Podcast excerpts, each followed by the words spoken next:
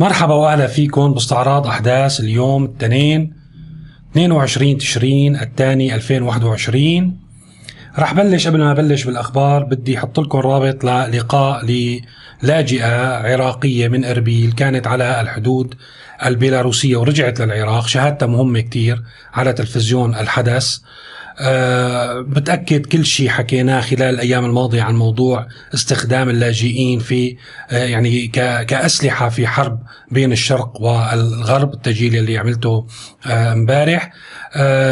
هذا التسجيل بدلل كيف آه، من خلال النفوذ الروسي على بيلاروسيا وكيف بيتصرف الجيش البيلاروسي مع اللاجئين وبيجبرهم إنه يسلكوا السلوك لحتى يشكلوا تهديد فعلي على على أوروبا، طبعا في إشارة ثانية إنه هذه اللاجئه من اربيل اللي بتمتع بسمعه حسنه من حيث الأمان والأعمال ومع ذلك مثل ما بدكم تشوفوا باعت بيتها لحتى تحسن توصل لبولندا. ما راح أحكي كثير عن الموضوع لازم تشوفوا التقرير وتوصلوا للاستنتاجات بأنفسكم. الخبر المحلي اللي اليوم بده ياخذ يعني معظم آه، حديثنا اللي هو الكهرباء الكهرباء ثم الكهرباء ثم الكهرباء في سوريا. المعاناة يلي كل ما بنقول إنه وصلنا للذروة بيكون في يعني أو للقاع بيكون في قاع لسه أعمق من يلي كنا متوقعينه. أه الحقيقة عموما بالأزمة السورية ما كان الخيال خيال الإنسان الساكن في هذه المنطقة بيوصل ليرسم في في أسوأ الأحوال. مهما كان هذا الخيال خصب وشرير ممكن يرسم السيناريو اللي عم يتنفذ اليوم بأرضنا. ما كنا آه، يعني يوم من الأيام نتوقع أنه الأزمة لتوصل فمنا آه، مي كهرباء خبز. ولكن توصل أنه السوريين ما حسنانين يتحمموا. فهذا الحقيقة والله سابقة وأمر غريب وأمر يعني يستحق أيضا. يعني كل يوم نحن حالة تأمل آه، يعني من سنين واقفين وما في غير عم نتأمل ويعني مدهوشين مما يحصل وهذه الدهشة لا تزول لأن كل يوم في في شيء جديد. يعني آه اليوم السوريين الشكوى إذا حدا عندكم لكم بالداخل أو إذا بتراجعوا صفحات التواصل الاجتماعي بتشوفوا إنه السوريين ما حسنانين يتحمموا. مو مو بس لأن ما في مي لأن ما في كهرباء كافية حتى لتسخن المي. وما في كهرباء لحتى تدفي الحمامات.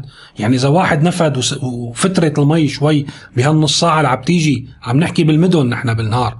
بعض المناطق ما عم تيجي بالأيام ما بيدفى الحمام يعني دوبه إذا إذا إذا تحمم يطلع بينسفق سفه هواء وبيمرض وهذا يلي عم بيصير في معظم المدن السورية اللي فيها كهرباء مثلا بحلب ما في كهرباء والأمبيرات هنيك أصحاب المولدات عم يعني يرفعوا الأسعار على كيفهم بحجة إنه أسعار المحروقات والمازوت مرتفعة والأمور يعني فوضى عارمه، طيب شو وراء هذا الموضوع؟ يعني هل فعلا نحن بأزمة؟ الحقيقة مرة ثانية بنرجع للشفافية يلي عم بتغطي فيها وسائل الإعلام المحلية شبه الرسمية والرسمية الأزمة، والصراحة يعني المبالغ فيها اللي عم يتحدث المسؤولين عن الموضوع بحيث إذا بتشوفوا الصفحة من آه، صحيفة الوطن بتشوفوا يعني صفحة كاملة بما معناه ممكن كمان حط لكم الرابط تبعها. آه، أنه أخي ما في كهرباء هذا الموجود عندنا إذا ما صارت الصفقة خط الغاز العربي ووصلنا غاز من مصر أو كهرباء من الأردن فنحن هذا اللي عنا. واستعدوا يا سوريين لشتوية قاسية واصبروا لأن ما في حل بديل.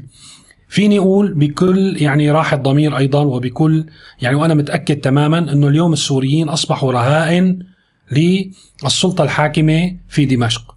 يعني بما معناه أنه أخي في لأن في في نوع من العرقلة بهذا خط الغاز العربي. إذا بدنا نعرف بحبشت شوي طلع في عندي مقال في صحيفه مقربة من النظام السوري عم تحكي عن إشكالية في موضوع نقل الغاز. بما معناه دمشق أو سوريا ما عندها إمكانية. الامريكان عطوا تطمينات في حال وصل الغاز المصري من الغاز المصري من آه، مصر إلى لبنان.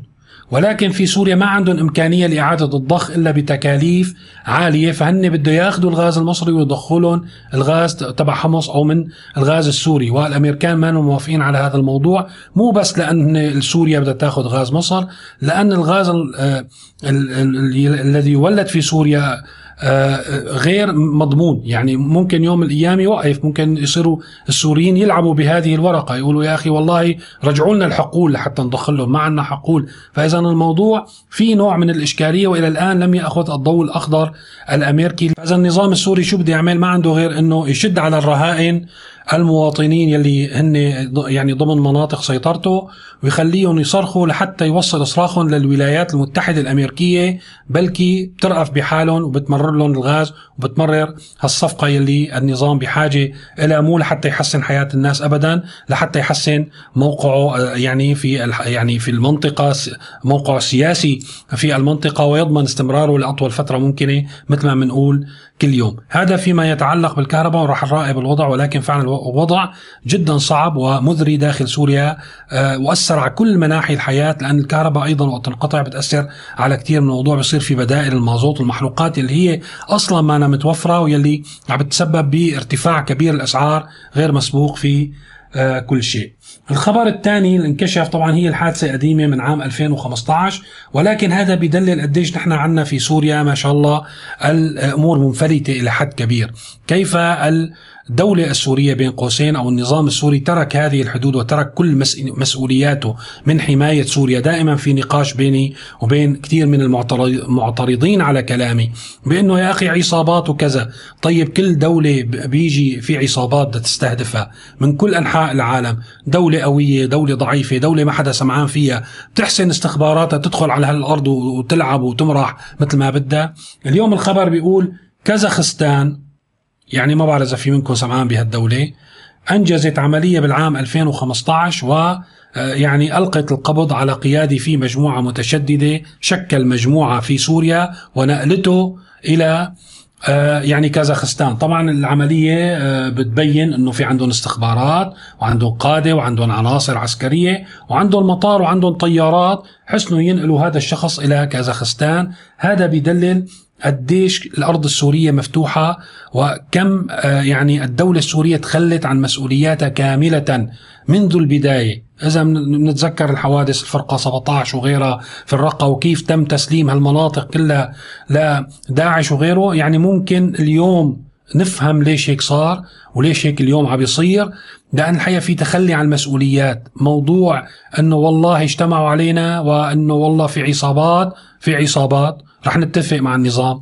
في عصابات وفي إرهابيين وفي مسلحين ولكن ليش ما بيصير هذا الموضوع بدول تانية محترمة دول حقيقية؟ لأن الدولة هي مسؤولة عن حفظ الأمن على حدودها. الدولة هي مسؤولة عن كشف المؤامرات وكشف الخلايا النائمة والصاحية وإبطال مفعولة قبل قبل الأوان. وإذا فشلت بتكون هي الدولة فاشلة والقيادة فاشلة ويجب عليها التنحي وإفساح المجال لقيادات يمكن أن تحافظ على أمن وسلامة البلد. آه الخبر آه التالي آه كمان هو من نوع من الأخبار يلي بيدلل على موضوع الجماعات المسلحة وكيف نحن بالمستقبل بدنا نخلص من هالصناعة الحقيقة الحرفة يلي صارت لمعظم الشباب السوريين بدير الزور في توجه. طبعا وسيلة إعلام محلية دير الزور 24 وأتأكدت من مصادر خاصة في توجه لحتى يحلوا الدفاع المدني اللي هو يعتبر قوى رديفة للجيش تشكلت من أبناء المدن الموجودة من خلال إشراف ضباط من الجيش وتشكلت مجموعات معروفة جدا الدفاع الوطني ولا كلمة عليا في بعض المناطق. اليوم الروس لأن تم إشراكهم في عملية السيطرة على الشرق مع الإيرانيين والأمريكان آه بده يحلوا ما ما ما مناسب لهم وجود هال هال آه، الكيان هذا أو هالجماعة بشكل أو بآخر بده يحلوها ويضموها لفرقة تابعة لهم يلي هي الفرقة 17 الدفاع الوطني يرفض ذلك من خلال قياداته واشهرهم اسمه فراس عراقية ويحاول فراس عراقية أن يتواصل مع المسؤولين لكي يبطل هذا القرار. الخبر الأخير يلي هو خبر يعني آه طريف كمان بدلل إنه نحن يعني ما شاء الله وين وصلنا. فريق آه، كرة قدم رياضي الوحدة آه، بيطردوه من آه، فندق الإيوان على ما أعتقد. شو السبب؟ لأن اللاعبين يعني لاعبين كرة قدم يصروا على إنه يشعلوا الأراجيل بالغرف. بيجوا آه، بيأرجلوا قبل المباريات وبيستخدموا فريق الناشئين اللي معهم لحتى يخدموهم ويغيروا لهم راس الارجيله ويجيبوا لهم اغراض إلى آخره فاكتشفت إدارة الفندق هالأمور ويعني صار في فوضى غير مسبوقة في الفندق فتم طردهم إلى خارج الفندق. آه هذا كل شيء بدي احكيه مثل ما قلنا دائما في أخبار إضافية ما ممكن أستعرضها كلها بطول عليكم.